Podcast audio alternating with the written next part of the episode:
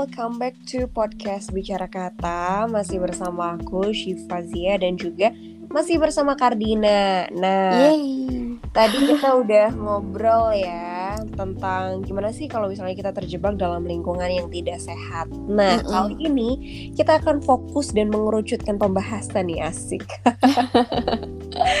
Tentang toxic Nah, gimana sih Mm-mm. Kar kalau misalnya kita tuh udah terjebak gitu ke dalam Mm. eh, kelompok atau sebuah komunitas yang benar-benar kita tuh nggak mendapatkan nafas yang segar gitu maksudnya nggak Hmm. mendapatkan positive vibes gitu adanya Hmm. negative vibes and ya toxic gitu kayak gimana kar Toxic is deeper than that. Toxic itu sebuah kondisi yang benar-benar menyiksa banget sampai bisa mempengaruhi karakter kita. Mhm. Sampai karakter kita tuh di bawah alam sadar kita tuh bisa berubah dengan sendirinya karena ketoksikan itu. Jadi kalau selama kita kayak masih bisa stay di toxic terus kita masih bisa beranjak atau apa? Lo lo lo lo lo. Itu kayaknya bukan toxic deh. Itu cuman kamunya aja yang sebel sama lingkungan kamu terus Mhm. ngerasa itu toxic karena sedang hype-hype-nya Mhm. gitu. Jadi emang kita perlu tahu dulu sebenarnya toxic itu apa, bagaimana, seperti apa, eh, di saat apa kondisi itu terjadi dan perlu tahu detail di balik itu. Jadi kalau kita terlalu menggeneralisir segala sesuatu, kasihan yang dijudge dan kasihan diri kamu sendiri juga karena sudah ngejudge diri kamu terkena toxic gitu. Mhm. Jadinya ke depannya tuh mental kamu tuh nggak kuat karena kamu baru kena yang kayak gitu aja kamu udah stay di toxic gitu. Gimana besok kamu kena toxic beneran? Kamu mau bilang itu apa? Mhm. jadi intinya kayak gimana nih kar perbedaannya Hmm, perbedaan yang paling nampak sih yang itu ya. Kalau karakter kamu dengan sendirinya udah berubah. Misalnya nih, aku punya temen, eh, kita bekerja di tempat yang sama, dengan ruang lingkup yang sama, pekerjaan yang sama, tetapi ada sedikit yang membedakan, yaitu eh, beberapa orang yang ada di circle kita. Jadi kan job Mhm. desk aku dan dia sebenarnya sama, cuman kita tuh beda circle-nya gitu. Nah, dia tuh sampai bisa loh eh, terbebani dengan pekerjaannya gara-gara lingkungannya tuh nggak pernah support. Lingkungannya cuma bisa nuntut aja nuntut nuntut nuntut terus ke dia. Dan dia tuh cuma bisa ketawa tapi dia nggak ngerti dia ketawa kenapa. Dia kadang bisa nangis tiba-tiba dan dia nggak ngerti dia nangis kenapa. Mhm. dia bisa ngerasa bahwa ketika dia yang penting dia nggak masuk kerja aja mau dia sakit mau dia dinas mau dia apa yang penting dia nggak ke situ itu adalah hari terbahagia buat dia. Dan dia juga bisa sampai ngerasa dia tuh nggak berguna kalau dia ada di situ. Wah udah parah Gitu. banget ya. Ah jadinya ya kalau misalnya Bener. wah nauzubillah nauzubillah semoga kita tidak berada di lingkungan yang seperti itu ya iya karena itu banget bisa merugikan kita banget nggak sih kan Oh, oh, bener banget. Dan itu kan dia kehilangan jati diri. We can Iya. say it kan, kayak em, dia sampai bingung gitu gimana. Dan aku di situ juga bingung. Tapi harus ngapain kan sebagai teman yang support. Tapi di momen seperti itu aku cuman bisa apa? Cuman bisa menemani saja. Nah, beda halnya sama di lingkungan aku. Aku sempat mikir gitu. Aku ini ada di lingkungan kayak toxic banget deh gangguin aku banget gitu maksudnya kayak Iya. sama gitu mereka juga suka sama-sama Hmm, nuntut mhm. tapi puji Tuhannya aku nggak sampai kayak dia yang eh, bisa ketawa tanpa tahu aku ketawa kenapa tahu gitu kenapa gitu ya ya. kayak aduh gitu. aduh serem banget sih. Untungnya aku Iya, nggak iya. ada di posisi seperti itu dan aku masih bisa bedain dan aku masih bisa kasih eh, batasan-batasan. Aku masih bisa set my boundaries sampai di tahap mana orang bisa menuntut aku. Nah di momen-momen sebelum kita mengalami toxic itu sepertinya penting buat kita untuk set our boundaries. Mau itu di pekerjaan di hubungan kita dengan pasangan kita Mhm. di lingkungan pertemanan kita batas toleransi mana yang bisa kita maklumi jadi kita harus kembali dulu ke diri kita sendiri gitu ya karya Hmm. untuk bisa um, menyeting ya apa sih kayak memperbaiki untuk uh, lingkungan kita pasangan kita rekan kita itu kita mau pandang seperti apa kayak gitu betul Kak? Betul Mhm. banget. Dan batasan setiap orang tuh beda-beda. Jadi jangan sampai kamu nanya nih ke teman kamu eh kalau lo eh, ngeset batasan lo tuh di mana sih? Kalau lo dikasih kerjaan A lo kerjain nggak? Terus kalau teman kita bilang enggak soalnya kan itu gini gini gini gini gini gini. Oh ya berarti gue A juga enggak nggak gitu caranya. Iya. Kita boleh tanya mereka boleh boleh banget buat referensi kita. Biar kita juga tahu apalagi kalau kita tanya ke orang yang lebih berpengalaman ya kan. Mhm. boleh banget. Tapi kita harus kembalikan lagi ke diri kita. Eh kalau Kardina dikasih kerjaan A kira-kira Kardina bisa nggak ya? Oh ternyata nggak bisa. Soalnya gini gini gini gini. Mungkin nggak sama nih nggak bisa tapi mungkin nggak bisanya karena dua alasan yang berbeda antara kita dengan teman kita. Itu udah sebuah perbedaan yang nggak bisa disamain antara satu dengan yang lain. Sama halnya kayak di lingkungan pertemanan. Kita bisa mentolerir orang yang berkata-kata kasar nih misalnya. Yang penting dia nggak eh, apa namanya yang penting dia nggak ngerebut cowok kita misalnya. Lah iya itu kan eh, batasan kita gitu Iya. ya. Ada juga orang yang nggak bisa menerima teman kita yang berkata-kata kasar. Ya udah deh nggak apa-apa dia ibadahnya nggak lancar. Yang penting dia nggak ngomong kasar sama gua. Iya. Nah. Iya iya iya iya. ya yang kayak gitu kita perlu tahu lebih dalam ke dalam diri Mhm. kita.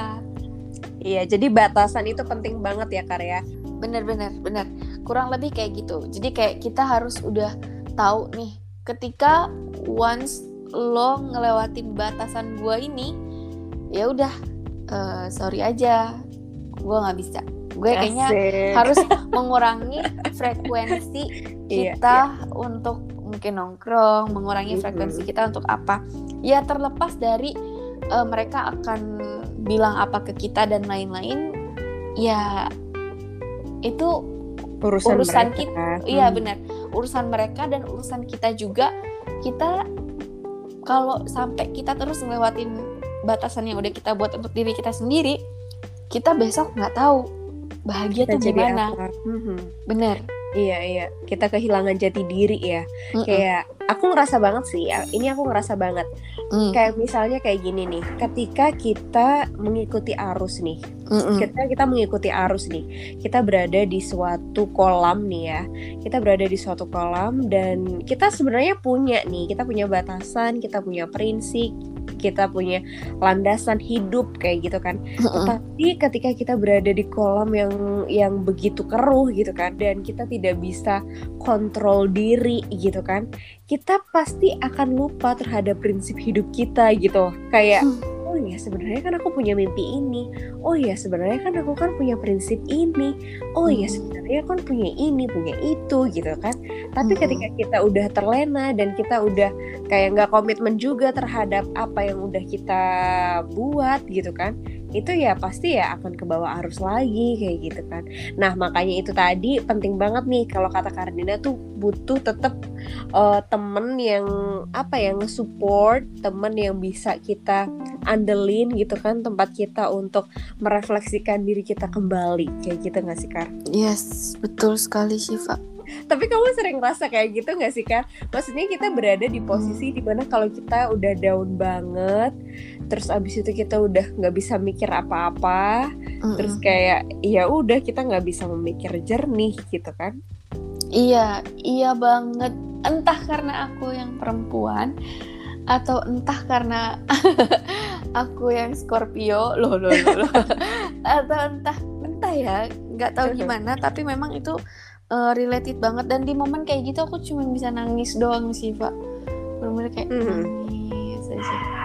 Iya Itu sih. Padahal kan kita punya pegangan hidup ya Maksudnya kita punya uh, source Di mana kita bisa merecharge diri kita 100% lagi Entah itu hubungan kita dengan Tuhan Entah Mm-mm. itu lewat perantara dengan temen yang kita percaya Atau pasangan Atau keluarga Dan lain sebagainya Mm-mm. Nah terakhir nih Kar apa tuh? untuk temen-temen nih gimana caranya bisa membangun ketika kita udah berada di lingkungan yang keruh atau lingkungan yang tidak sehat gitu.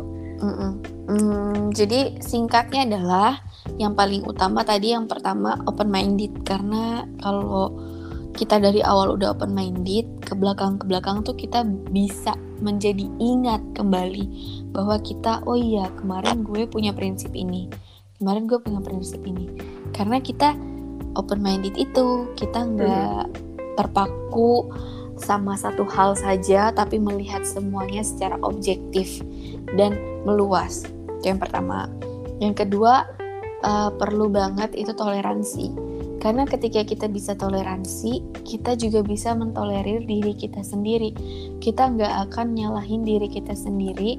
Kita nggak akan uh, berkepanjangan insecure-nya. Memang pasti akan ada momen-momen itu tapi nggak akan berkepanjangan. Kenapa karena kita bisa respect gitu sama diri kita.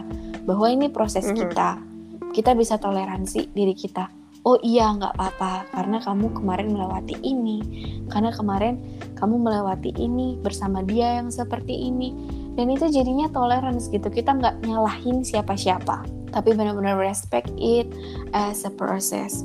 Terus yang berikutnya uh, teruslah berefleksi dan melihat kembali apa yang sudah uh, kamu lalui, apa yang sudah kamu capai, dan jangan lupa bawa semuanya ke dalam doa juga. Terus berterima kasihlah untuk semua proses yang terjadi baik dan buruk. Be grateful for everything. Mm-hmm.